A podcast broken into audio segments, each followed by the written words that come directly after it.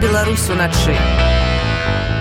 10 гадоў таму мы пачалі новую старонку змагання 10 гадоў таму украінцы правялі свой першы контрнаступ супраць беззаконням спробы пазбавіць нас еўрапейскай будучыні супраць нашай няволі такімі словамі владимир зяленскі павіншаваў украінцаў з 10 гадавінай рэвалюцыі годнасці 21 лістапада 2013 у кеве пачаліся пратэсты у гэты дзень на майдан незалежнасці выйшлі пераважна маладыя людзі якія выступалі за еўрапейскую будучыню Украіны.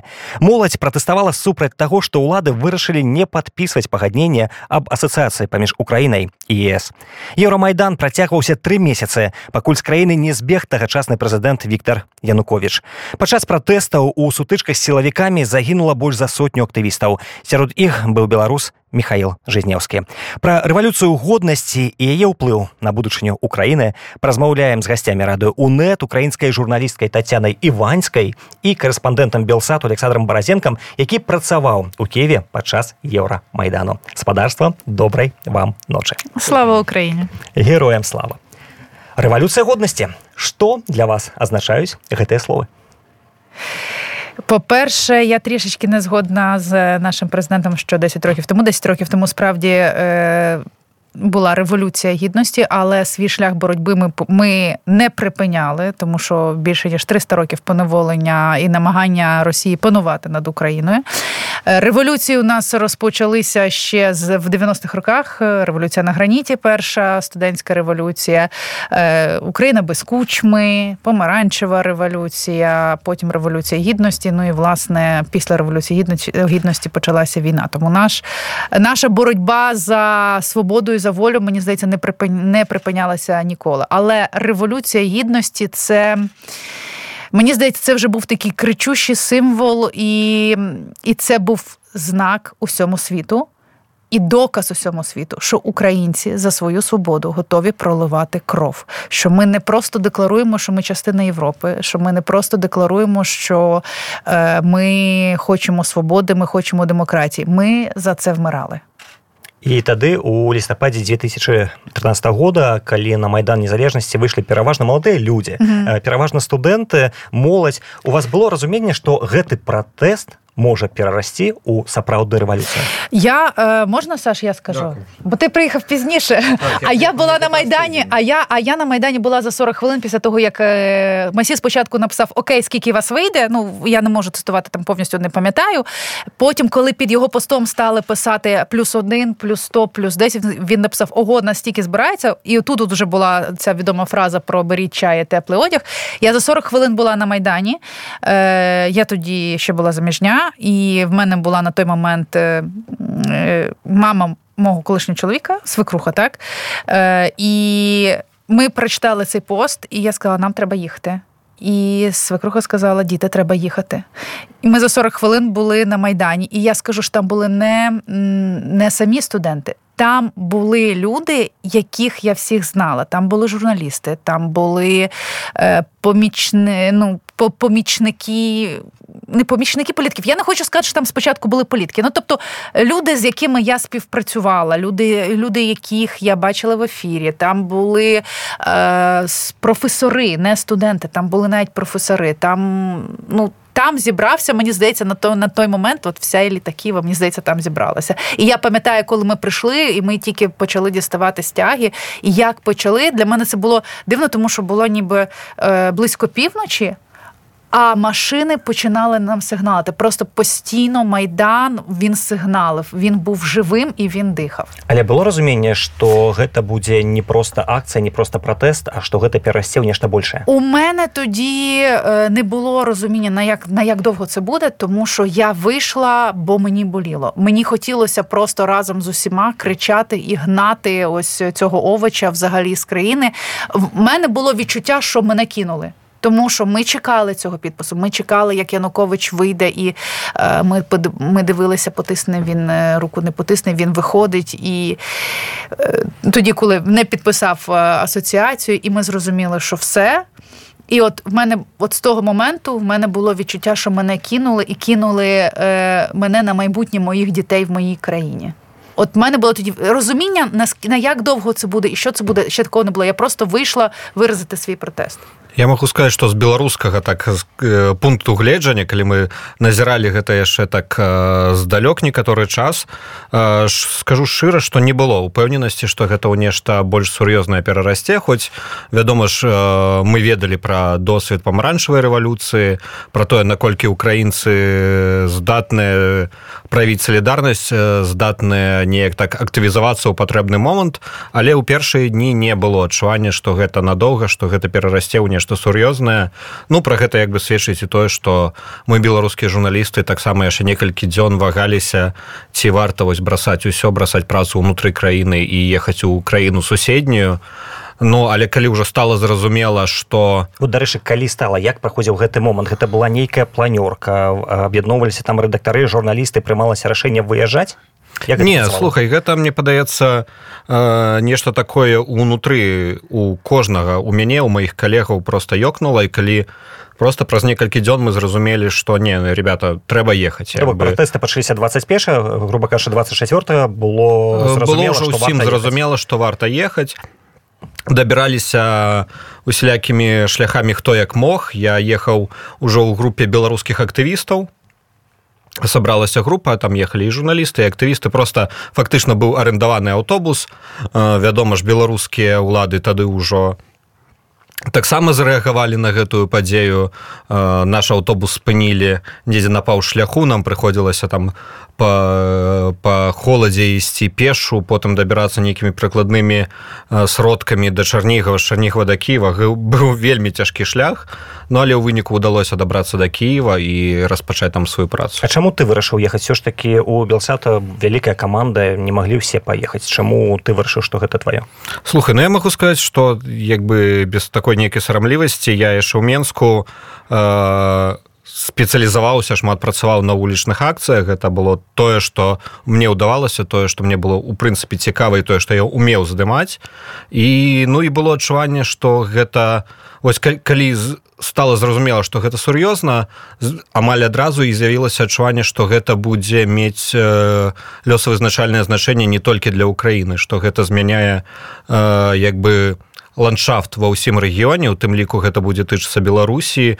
І таму так мы лічылі сваім як бы абавязкам паехаць ва ўкраіну. І з кожным днём з кожным днём працы там я правёў фактычна увесь далейшы час майдану у Киеве прыходзіла разуменне што гэта сапраўды лёсавызначальнае нешта не толькі для Украіны але ўвогуле для ўсяго кантыненту. Ну і у тым ліку напрыклад для мяне як для журналіста бо гэта была такая паваротная кропка пасля якой як бы і моя кар'ера і маё жыццё вельмі было павязана з Украінай. Але ці было разуменне што гэтыя падзеі гэты пратэст будзе настолькі небяспечным што ён выльецца ў масавае процівастаянне забойства?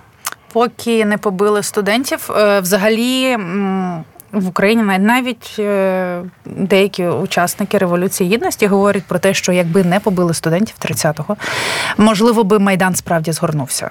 Е, поки не було студентів, ніхто не розумів, як далеко це може зайти. Але коли вже забили дзвону Михайлівському, коли це все почалося, коли відбулася фактично зачистка майдану, тому що якщо ми подивимося, як стояли ось ці е, беркутівці, вони справді робили зачистку майдану. Ось після цього стало зрозуміло зрозуміло. Ну, по-перше, знову ж таки, е, всі вийшли і сказали, що ми не дамо бити наших дітей. Ну тому що там тоді на Майдані вночі справді були лише студенти. Справді молоді юні студенти, і їх було не так багато. І от після цього вийшли і сказали, ми не дамо бити наших дітей. І після цього всі були вже готові. Ну, десь розумінь, розуміння було, тому що саме тоді почали е, от, формуватися. Е, збирати яку не яку зброю, щоб була там. Ну я дивіться, майданівська зброя. Та це шахет, е, оці от палки якісь були, та каски були, але. Ну, не було зброї зброї якоїсь такої вогнепальної чи ще якоїсь. Просто вже було розуміння всередині Майдана було розуміння, що кожної ночі можуть прийти. А, І у той час почали формуватися так звані атради самооборони. Так. Як це виглядало? Ой, Нехта ну... каже, знаєш, от ти сюди, ти сюди. Е, ти знаєш, Мені здається, е, дивися, я е, на той момент працювала на радіо. В мене було на руках двоє маленьких дітей, і я е, в мене майдан мій відбувався так. Я зранку, коли їхала на роботу, я заходила в аптеку, е, скуповувала все, що було по списку, що потрібно на майдані, купувала печиво, проходила через весь хрещатик до роботи, заходила в палатку медицини, заносила це, заходила в палатку там, знаєш, коли там Волинська область, ще там заходила, давала тут, тут, тут. Там ну хто що просив, йшла на роботу.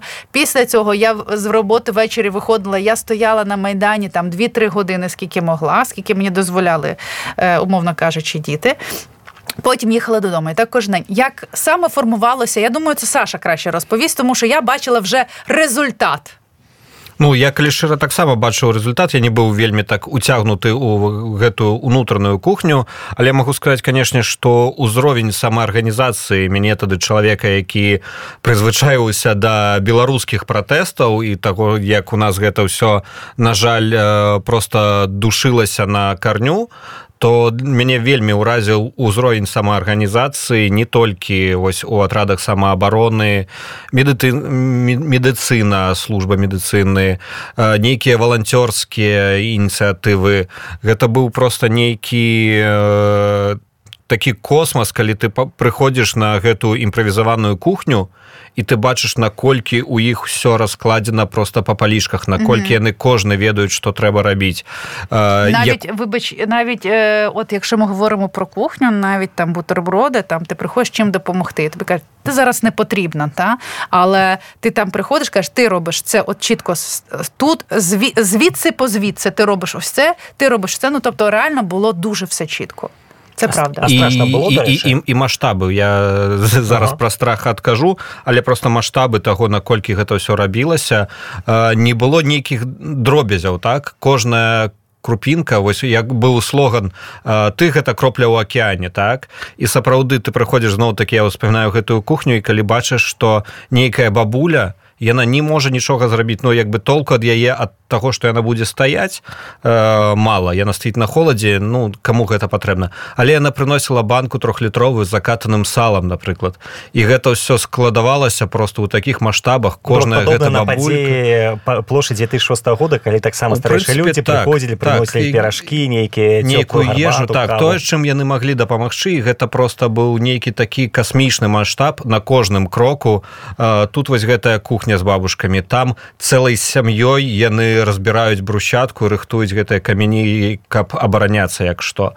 Наконт страху слухай ну сапраўды ён быў канешне калі асабліва пачалася стральба непасрэдна некаторыя ночы калі пачыналіся зачысткі я могу сказаць что было страшна і журналістам і я ўпэўнены што шмат каму з пратэстоўцаў было страшна но але страх гэта просто не не повод для таго каб спыняцца як аказалось я тобі скажу про страх э, дуже багато моїх е, знайомих е, хлопців. Тут нема сексизму, просто.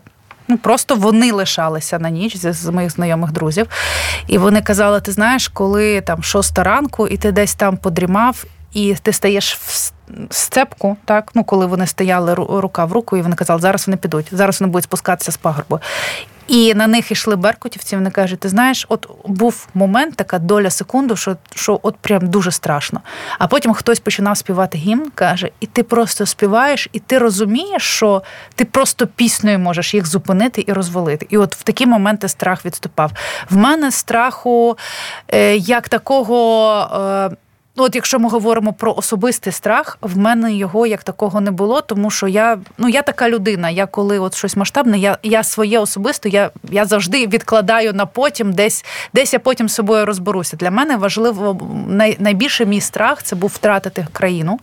Найбільший мій страх був втікати з України, тому що ми розуміли, що якщо ми програємо, це буде Росія. І якщо нас задушить, то навряд чи у нас залишаться сили. Хоча зараз я розумію, що я помилялася, в нас завжди є сили боротися. От найбільший мій страх це був втратити Україну. І найбільший такий свій. Напевно, не знаю, як це назвати. Це така емоція. От, от це от коли про особисте, це і страх, і розпач, і щось таке я не можу навіть це описати цю емоцію. Це коли е, громадське вело трансляцію, і коли були перші вбивства, і було чи то вже десяте, чи то яке. І Данило Яневський, говорячи про це, розплакався в ефірі. І от тоді я з ним щиро розплакалася, тоді от моє особисте вилізло, тому що от це був такий тригер, тому що я працювала з цією людиною, я дуже поважаю цю людину, і нас ж завжди вчили, що журналіст він, він має бути відсторонений. А тут людина, яку я поважаю, яка для мене є прикладом, він плаче в ефірі. Я розумію, що ну тут тут інакше не можна, бо бо це навіть вже не про журналістику йдеться. Це це вбиває твоїх людей в твоїй країні, на твоїй площі, і вбивають їх люди, які живуть в цій країні. Я маю на увазі Беркутівці. І от в той момент в мене був якийсь такий. Ну, я не можу сказати, що це страх, але ну от щось подібне з ним було так. Таксама не вед, не ведаю як ахарактарызаваць гэтую эмоцыю. У меня нешта падобнае. Э, можна сказать что напэўна было страшно страшно за маштаб того что адбываецца из-за того як гэта адбываецца. Гэта карціна э, напэўна так першы дзень і першы там десятак полтора десятка забітых. І я стаў просто сведкам такой сцэны. Э, як памятаеш по-моему ну там на, на жаль прыйдзецца ўзгадаць гэты фільм бра два по-моему дзе ён падымае чужую слухаўку і кажа што а он памёр і вось я быў сведкам менавіта такой сітуацыі калі у аднаго з забітых удзельнікаў пратэсту зазваніў мабільны телефон ягоны пабрацім вымушаны быў падняць слухаўку распавесці пра тое што чалавека больш няма. Я пратрымаўся напэўна яшчэ хвілін 20 дайшоў до да пераходу майдан э, майдана незалежнасці ў вуліцу михайлаўскую там таксама грузілі свежыя трупы э, у машыны хуткай дапамогі з з крамы нейкай там чебуречнай кафешкі быў зроблены такі імправізаваны медычны штаб хаця хутчэй уже ў той час морг І я даздымаў апошні момант як пагрузілі цела ў машыну. І я памятаю што я просто націснуў на рэк спыніў здымку і тут мяне накрыла. І гэта былі і слёзы і нейкая немагчымасць дыхаць просто вось ну гэта хіба для мяне ну, быў самы страшны момант. але це не, не був це мені здається все рівно. От правда ж це не якісь от прямо нельга назвати це страхом. Це не тварини, тому що не не було страху. Я е, я ходила от так, от як я на Майдан з понеділка по п'ятницю, субота, неділя, я була на Майдані з дітьми. На той момент моїм дітям було 2 і 4 роки. Ну тобто, не було страху як такого. Було не знаю просто було нерозуміння, як так можна десь в 21 столітті. Це знаєш, це твоя картинка світу, вона просто руйнувалася, тому що ти живеш в цивілізованому світі, ти живеш в демократичній країні, ти живеш, де люди з айфона можуть запустити ракету, а тут просто наволоч вбиває людей в центрі Європи. Ось оце було напевно. Напевно, це страх, знаєш, нерозуміння, страх повернення до якогось такого чогось далекого тваринного от що оці люди тебе тащили от туди в ту яму тады чаму гэтыя людзі калі яны бачылі колькі збіраецца асоб супраць іх што маладыя украінцы там інтэлігенцыя шмат хто тысячы тысячы людзей выходзяць супраць іх няўжо улады не маглі пайсці на гэтыя саступкі і падпісаць гэтую паперку Можна одним словом відповім? Тільки літературно. Тоді не можна. Е, Дивися, е, чесно кажучи, я дуже рада насправді, що Росія так профукує Україну. Я дуже рада цьому. Я дуже рада, що вони цього не розуміють. Е, Вони е, чому я кажу Росія? Тому що це все керувалося Янукович, Азіров і всі їхні посіпаки. Це ну це все, все російські ставленики. Давайте згадаємо, що у нас і міністр оборони був російський, правда ж е, з російським громадянством. І це все керувалося Росією. І я дуже рада, що вони тупі.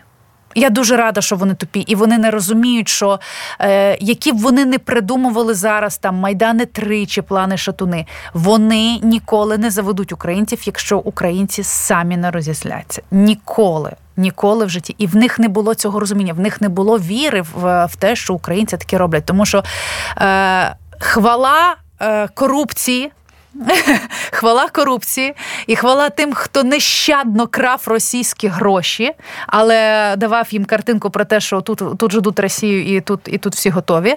Е, вони вірили в цю картинку, і мені здається, вони досі в це вірять. Ми не хочемо Росії, ми не хочемо назад в Савок, ми хочемо в Європу. А про російські сили казали: ну от вони готові. Вони орієнтувалися там на пенсіонерів, на гречку з маслом, і вони профукали. Вони просто тупі. Ну вони тупі. Ну не немає. Я я б хотіла сказати ще більш нецензурно, ну але з поваги до тебе, Рома, окей, вони Дякую. просто тупі. А Саша дарэчы ты як чалавек таксама які доўгі час быў на еўрамайдане ты бачыў хто там быў лідарам хто збіраў людзей як гэта працавала? Таму что у расійскай прапагандзе там ледзьве не все зрабіў Дмытро Ярош які ненавідзіць рускіх і са сваім правым сектарам ледзьве на Москву быў готовы пайсці він з'явився пізніше правда? Ну так ён ды ён з'явіўся фактычна як чалавек ну пры ўсёй павазе чалавек мем такі так, так то бок так.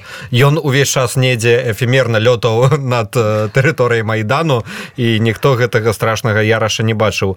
Мне падаецца у гэтым і была сіла майдану і ёсць сіла украінцаў што ну няма лідара няма вось гэтага у гэтым магчыма палягаюць і вялі вялікая колькасць праблемаў украінскіх так? Але і мне падаецца што вось менавіта ў гэты момант спрацавала менавіта вось гэтая еднасць так так самаарганізацыя і вось гэта велічэзная плынь з адзінак якая ператварылася просто ў нейкую магутнейшую сілу я можна адразу тобі скажу у нас є лідар у нас лідер суспільства, і це важливо, тому що знову ж таки, коли я правда не пам'ятаю зараз, е, от чи це був перший день, чи це другий був день. Ну мені здається, що перший день, коли ми стояли, і раптом на майдан. Прийшов кличко, прийшов тягнебок.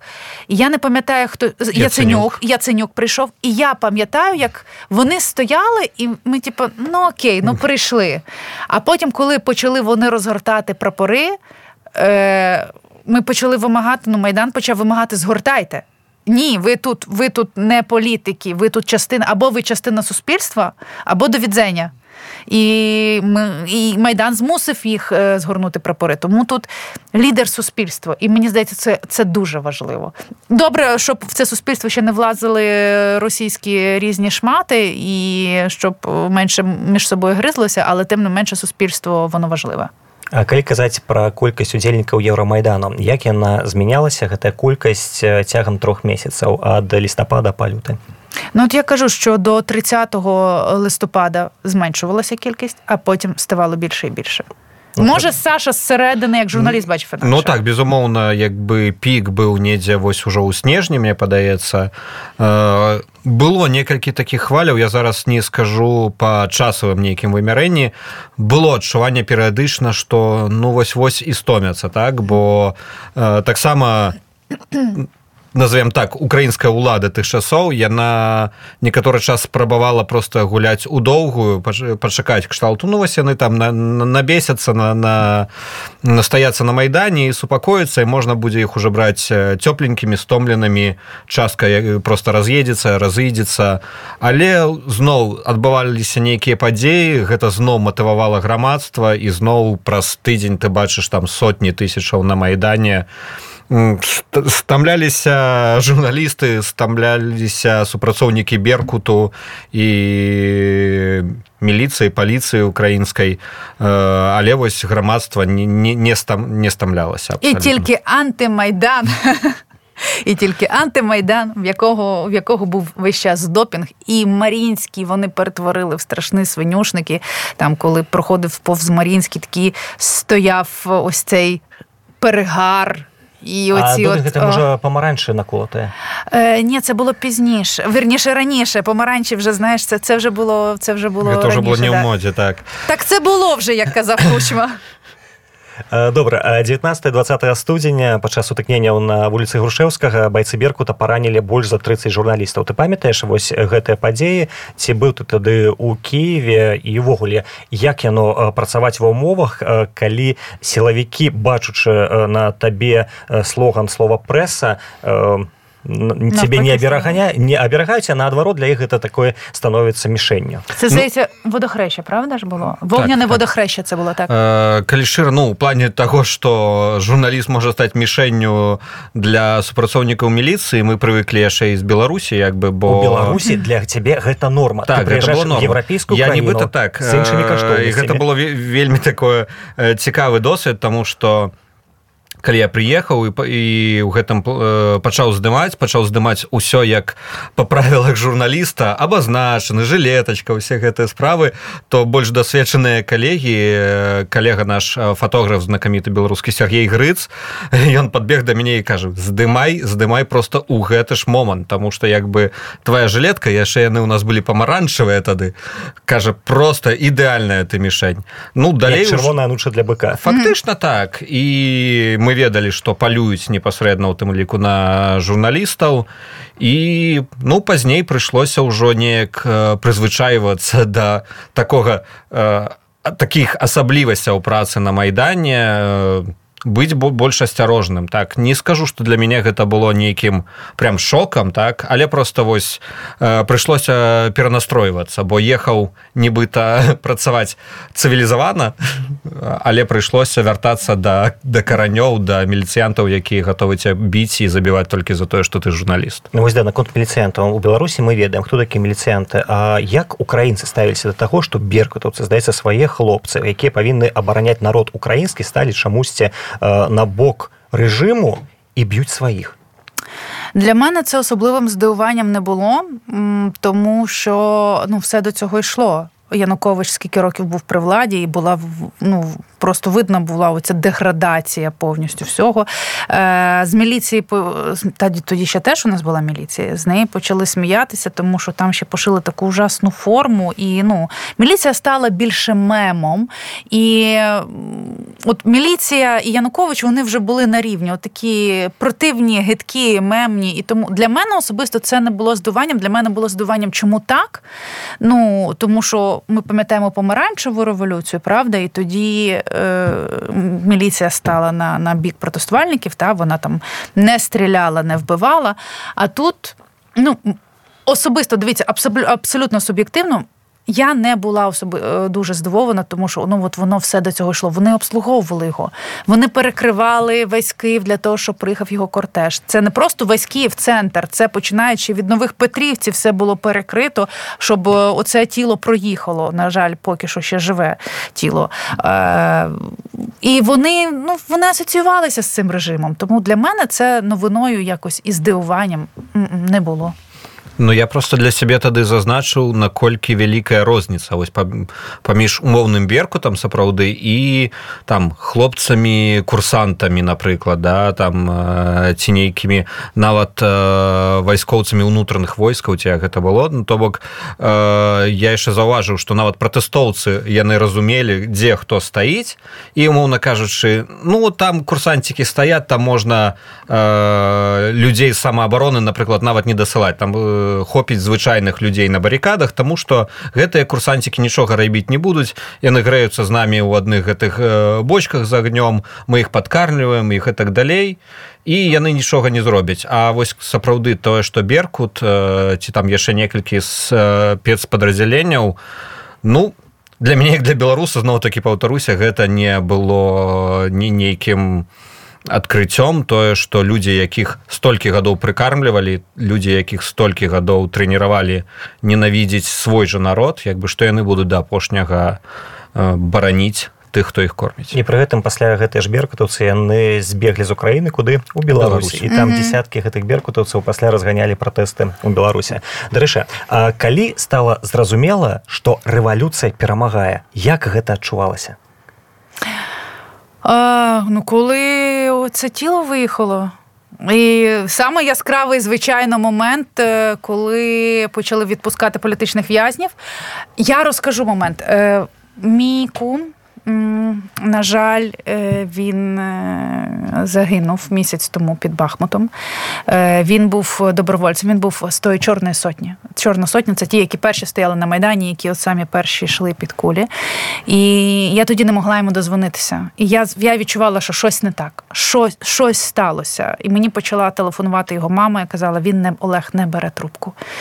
Ми його почали дзвонити і не не видзвонили. Тоді я зателефонувала в профсоюз, в КМДА, ну там, де були списки загиблих. І я кажу: серед загиблих шукайте. Не знайшли в КМДА, не знайшли серед поранених, не знайшли. І тоді у нас з'явилася надія, що він живий. Е, з нами, я не пам'ятаю, як ми як ми на нього вийшли. Е, Він опинився у, у, у СІЗО. Ну, Його потащили, щоб щоб, щоб засудити.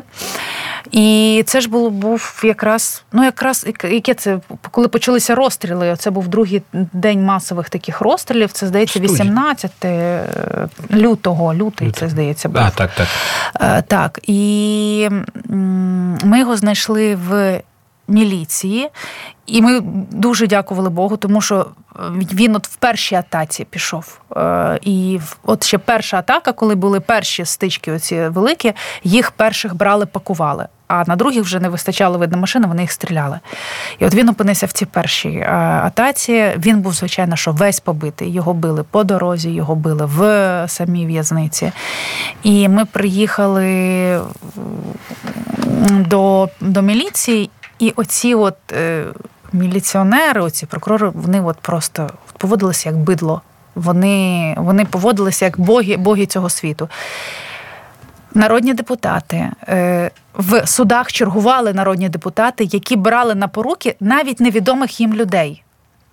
Е, мого кума готові були взяти там і народний депутат, і адвокати. По-перше, не не давали нормальний доступ до адвоката, тримали там цілу ніч. Ну, ну, ну, ну те, що відбувалося, це було якесь беззаконня. Знову ж таки, я зараз говорю з білорусами, які розуміють, як це відбувається. Для мене це було щось страшне. І його, здається, протримали от е, кілька днів, і все. Янукович тікає. Швидко за одну ніч все міняється, і коли ми приходимо туди, ми бачимо цього міліціонера, який охороняє. Ну, як це охоронець, не охоронець, ну, але він. Конвоїр. Так, можливо. І у нього очі повні паніки, і він дивиться, і а що з нами тепер буде? Нецензурно не можна, так? Ні, і ми йому кажемо, ну тобі і і все. І оце був момент. Ну і звичайно, момент оце Юля, Юля. Ну, воно ж, звісно ж, да, теж. Я можу сказати, що для мене, якби гэта не гучала адным з як бы з маркераў таго што будзе перамога майдана. Я тады не разумеў як яна будзе выглядаць. Гэта вось першае забітае. Як бы гэта не гучала мне просто стало зразумела что народ які вось такі час так пратэставаў і столькі зрабіў так аб'яднаўся што ён гэтага не прабачыць. Не было разумення як гэта будзе выглядаць але было разуменне што ну назад ужо крокаў шляху няма для януковича для ягонай усёй банды і што сітуацыя будзе змяняцца. А сімвалам ну такой канчатковай перамогі асабіста для мяне стаў нават не яцэнюк які крычаў юля а... але погодзя це было яскрава гэта яскрава і гэта так стала мемна але я кажу для мяне гэта просто нейкае море садраных шевронов у адным з унутраных дворыкаў недзе там каля палацу прафсаюзаў так, я так. як ісці да еўрапейскай плошчы там яны дзежурылі яны размяшаліся ў адным з унутраных дворыкаў і потым калі там пуста я захожу і просто уся глеба заслана садранымі шевронамі гэтых міліцыянтаў якія просто ну фактычна беглі э, стараліся пакінуць выкінуць усе знакі адрознення так каб іх цяжка было і ідэнтыфікаваць і вось для мяне я скажу шыра забраў адзін з шаўронаў ён недзе ў меня да тых часоў ляжыць вось гэта стала сімвалам Саш літаральна апошняе пытанне тады да сябе як да чалавека які бачыў і еўрамайдан і пратэсты два -го года пасля выбаршаў беларуся ці можна іх параўнаць і чаму у украінцаў атрымалася а у нас не калі б я ведаў адказ на пытанне чаму іх атрымалася у нас. Не я думаю нас бы таксама атрымалася ты сказаў што па іх ты бачыш што іх все атрымаецца што яны не выбачаць беларускі народ выбачыць беларускі народ не выбачыць але гэта будзе на жаль больш цяжкі і больш доўгі шлях Магчыма таму што мы недзе не дапрацавалі нават не ў двадцатым годзе раней. Усе мы. Я не буду як бы перакладваць адказнасць за ўсё тое што адбывалася на нейкія асобы ці на нейкія не веду там рухі Ну але і трэба прызнаць што ў прынцыпе стартавыя пазіцыі яны трошки розныя так? То бок пры усім жаху які тварыў янукович ён не мог так сканцэнтраваць уладу як гэта рабіў лукашенко. У яго і не было столькі часу у яго былі нейкія супрацьвагі нават э, пры умове цалкам таго што ён там карумпаваны што ён спрабаваў апіраўся на Маскву што ён спрабаваў сабе ўсё падчыніць як бы э, яму гэта не ўдавалася і не ўдалося нават там на одну на, на палову на траціну таго што ўдалося лукашэнку за гэтыя гады. Таму як бы калі табе супрацьстаіць больш маналітная больш спрацаваная сістэма э, то трошки цяжэй як бы спадзяюся што у нас все атрымаецца. Александр Тацяна дзякуем вялікі за гэтую размову. А я нагадаю нашим слухачам што сёння гасцямі радыёнет былі журналісты Тацяна іваньская і Александр бараценко дзякую Дякую. Жыве Беларусь уначы.